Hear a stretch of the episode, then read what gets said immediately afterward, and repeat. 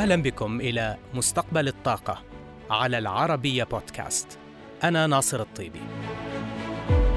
نسعى في هذا البرنامج إلى المساهمة في الحوار الدائر حول عملية التحول في مجال الطاقة عالميا نحو مستقبل خال من الانبعاثات يضمن أمن المناخ وأمن الطاقة. العالم يمر في تحول عميق في مجال الطاقة نحو مستقبل منخفض الكربون باستخدام مصادر الطاقات المتجددة. هذا الأمر سيتطلب بنى تحتية متطورة من التقنيات النظيفة. هذه النقلة ستكون كثيفة الاستخدام للمعادن وسينعكس هذا ارتفاعا قويا على عدد من المعادن الأساسية الضرورية لتصنيع تقنيات الطاقات المتجددة مثل الألواح الشمسية وتوربينات الرياح والبطاريات المتقدمة والسيارات الكهربائية. فمثلا الألومنيوم والنحاس متوفران في منطقة الخليج العربي وهما معدنان أساسيان في سباق الطاقات المتجددة.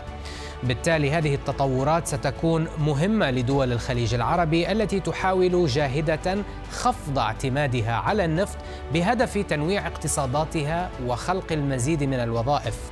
وذلك من خلال الإنفاق على مشاريع البنى التحتية إلى جانب تأسيس صناعات محلية جديدة مثل مصنع شركة لوسيد موتورز لتصنيع السيارات الكهربائية المزمع تشييده قرب مدينة جدة. ضيفي التالي يعتقد أن دول مجلس التعاون الخليجي قادرة على دمج الاستراتيجيات المناخية مع الاستراتيجيات الصناعية لتطوير سلسلة القيمة في صناعة التعدين. لنتابع هذه المقابلة مع اقتصاد الطاقة والمعادن من الكويت جميل حجازي. Good afternoon, Nasser. Thank you for having me on the show.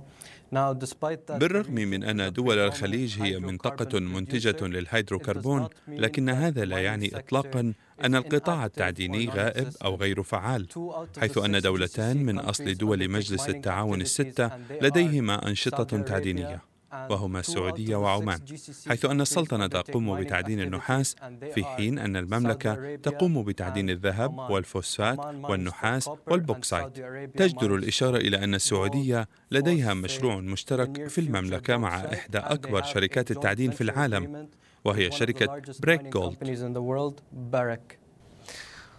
ولكن جميل هل تمتلك منطقة دول الخليج ثروات معدنية معتبرة أصلاً؟ حقيقة الناصر نحن لا ندري. فنحن بحاجة إلى مزيد من الاستكشافات حيث أن قطاع التعدين في المنطقة لم يحصل على الاهتمام اللازم في السابق ويبقى قطاعا غير مطور كما يلزم. لذا نحتاج إلى المزيد من الاستكشافات الجيولوجية والاستثمارات لفهم حجم الفرص الحقيقية لتلك الموارد غير النفطية في المنطقة.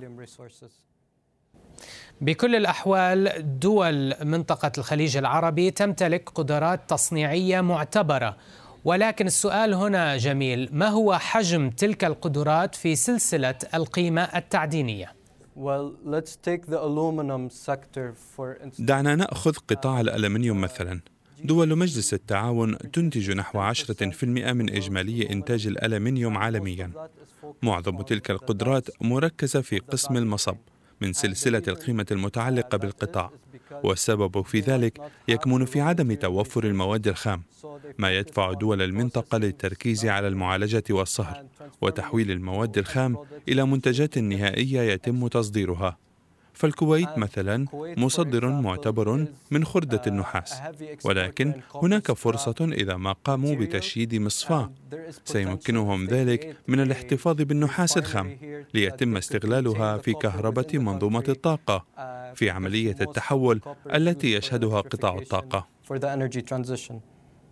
جميل السعودية حدثت منذ فترة قصيرة قوانينها التشريعية الخاصة بالتعدين وبدأت بتطبيقها منذ مطلع هذا العام هل البيئة التشريعية المتعلقة بالاستثمارات التعدينية في منطقة الخليج هل هي جذابة للمستثمرين في شكلها الحالي؟ Excellent question, Nasser. So Saudi Arabia recently updated their mining code. سؤال ممتاز. السعودية قامت مؤخرا بتحديث تشريعاتها لقطاع التعدين، وقد دخلت تلك القوانين حيز التنفيذ مطلع العام الحالي. والحقيقة أن تلك التشريعات السعودية هي الأكثر تقدما والأكثر تخصصا لقطاع التعدين في كل المنطقة، حيث أنها تركز على احتياجات معينة للقطاع مثل بناء بنك للمعلومات الجيولوجية وإنشاء سجل لملكية أراضي وحقوق التعدين للمستثمرين. إضافة إلى ذلك قامت السعودية بإطلاق صندوق للتعدين لدعم جهود الاستكشافات الجيولوجية التي يقوم بها المستثمرون الجدد الوافدون إلى هذا القطاع.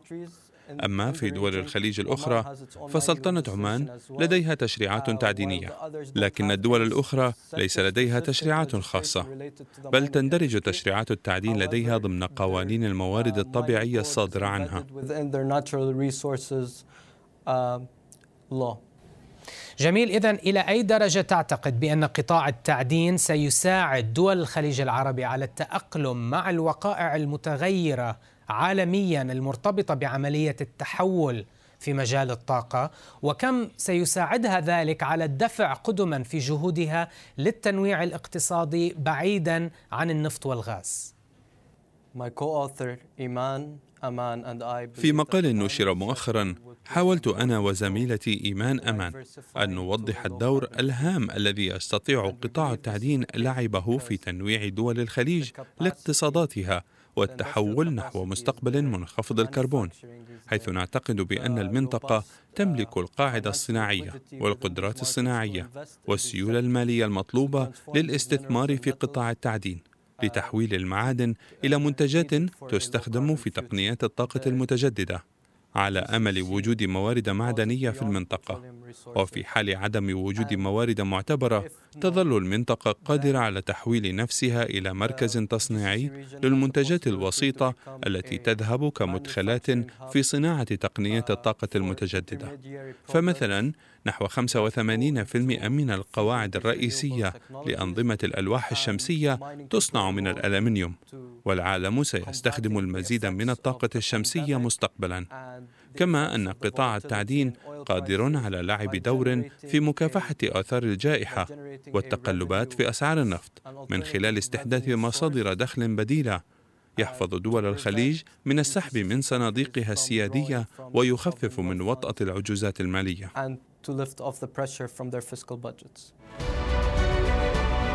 بهذا نصل إلى نهاية حلقتنا لهذا الأسبوع. نلقاكم الأسبوع المقبل في حلقة جديدة من مستقبل الطاقة على العربية بودكاست.